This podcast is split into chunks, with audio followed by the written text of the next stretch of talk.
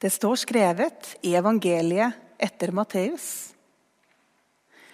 Fariseerne sendte disiplene sine til Jesus, og de sa, 'Si oss da hva du mener.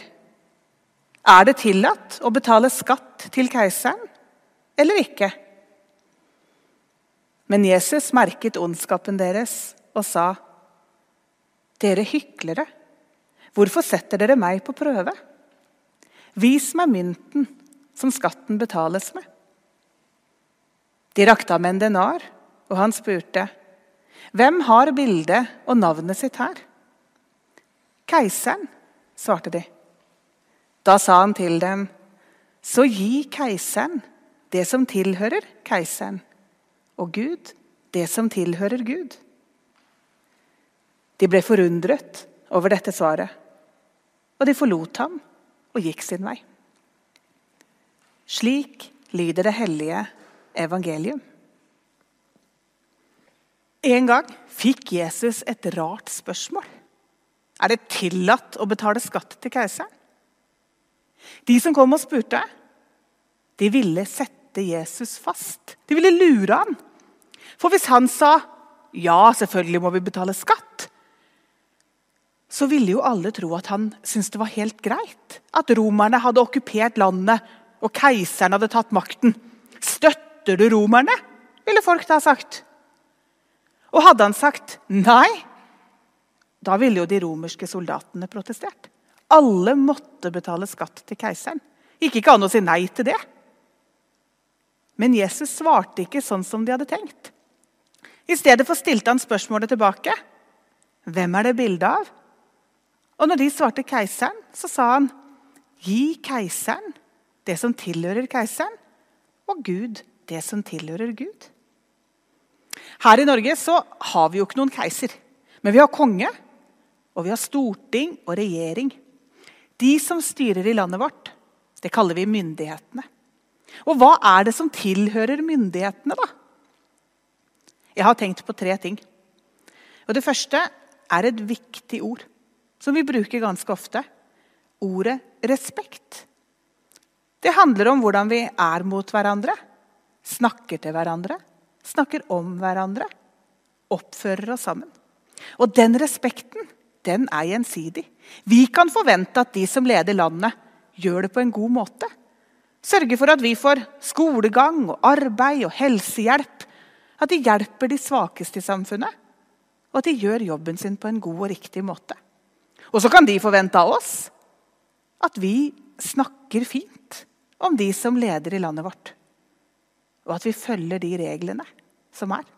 Og det er det andre ordet jeg har tenkt på. Lovlydighet. For vi trenger jo regler. Tenk å spille brettspill sammen og ikke være enige om reglene.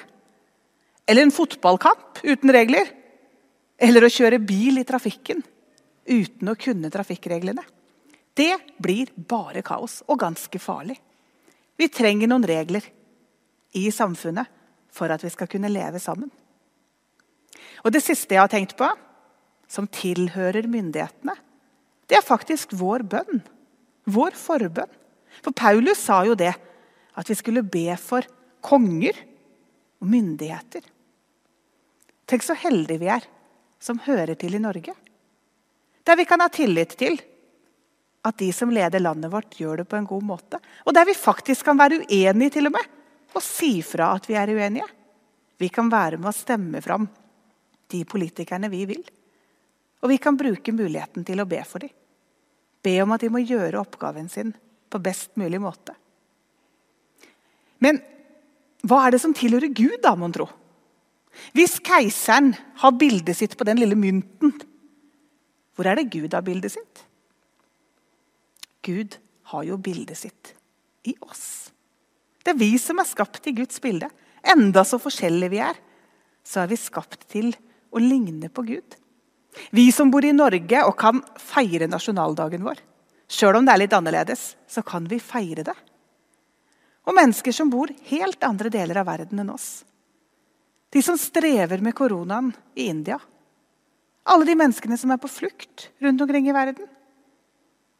Og til oss alle, enten vi er ensomme, kjenner at dagene er vanskelige, eller vi har det ganske godt, så hører det samme budskapet.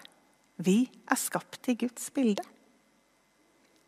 Jeg har lest en fortelling om ei jente som het Elisa, som var på campingtur med familien. Og Så trengte hun en dusj. Og Mamma sa til treåringen nei, vi tar ikke campingdusjene, vi tar balja her ute. For det er gratis. Er det gratis? sa treåringen og smakte på ordet. Og så begynte hun å spørre. Er såpa gratis? Er vannet gratis? Er det gratis å bade i sjøen? Og Mamma forklarte så godt hun kunne. Ja, det er gratis å fiske krabber, men, men fisk er bare gratis når vi har fiska den sjøl. Og sånn fortsatte spørsmåla. De var på besøk hjemme hos tante og onkel. Og treåringen spurte høyt og tydelig ved middagsbordet er maten gratis. Og mamma prøvde litt flau å forklare at ja, vi er jo gjester. Så for oss er maten gratis, men de vi er hos, de har jo betalt for maten. Og Spørsmåla ble vanskeligere og vanskeligere å svare på. Er kusiner gratis? Er mandager gratis? Og Mamma og pappa de undra seg over hvor alle de tankene om hva som var gratis, kom fra. Hadde de snakka så mye om penger? Det løste seg ikke før en vakker høstdag, der de var ute og høsta epler i hagen. Og mamma hadde sagt at ja da, eplene er gratis, for de er i vår egen hage. Og stigen er gratis å stå på. Og til slutt spurte treåringen, men mamma, hvem er gratis? Og da skjønte mamma hva som hadde skjedd. Hvem er gratis? Treåringen hadde bare gått ut ifra at alt i verden tilhører noen. Og hvem er det da som er den mektige herr gratis som eier fisken og havet og eplene og kusinene og mandagene? Å jo, sa mamma, det er jo Gud. Er det Gud? sa treåringen. Ja, jeg hadde bare glemt det, sa mamma. Det er nok et av navnene på Gud. Og her sto de altså, midt i herr Gratis sin hage, på herr Gratis klare høstdag, og brukte herr Gratis stige til å høste ned herr Gratis epler. Og de kunne ta så mange de ville. For herr Grati eide alt dette, og han lot dem bruke det så mye de ville. Det var jammen snilt av han. Hva er det som tilhører Gud? Jo, det er jo alt. Det er jo vi. Og hva er det vi da skal gi tilbake til Gud igjen? Det er livene våre. Det at vi lever sammen med Gud. Takken. At vi sier takk for alt vi har fått.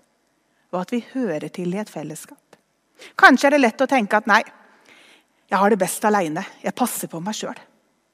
Men ingen mennesker er skapt til å være helt aleine. Vi hører til i et fellesskap. Hvem er det som eier isen, barnetoget, og bunadene, og sangene, og lekene og premiene på 17. mai? Det er jo vi. Fellesskapet. Og fordi Gud eier fellesskapet, mangfoldet og friheten vår, så tilhører det òg oss. Vi får del i det. Og på 17. mai så feirer vi ikke at alle burde være sånn som meg. Vi feirer nettopp at vi er ulike, men at det mangfoldet er det plass til i landet vårt. Vi hører sammen. Et annet sted i Bibelen sier Jesus søk først Guds rike. Han har først snakka om å bekymre seg og være urolig Å bekymre seg for framtida og for maten på bordet og klærne på kroppen. Og så sier han til tilhørerne sine, vær ikke bekymra. Søk først Guds rike. Og gi Gud det som tilhører Gud. Det handler om å vite at vi har fått alt. At alt tilhører Gud og er gitt oss, sånn at vi kan dele det med andre.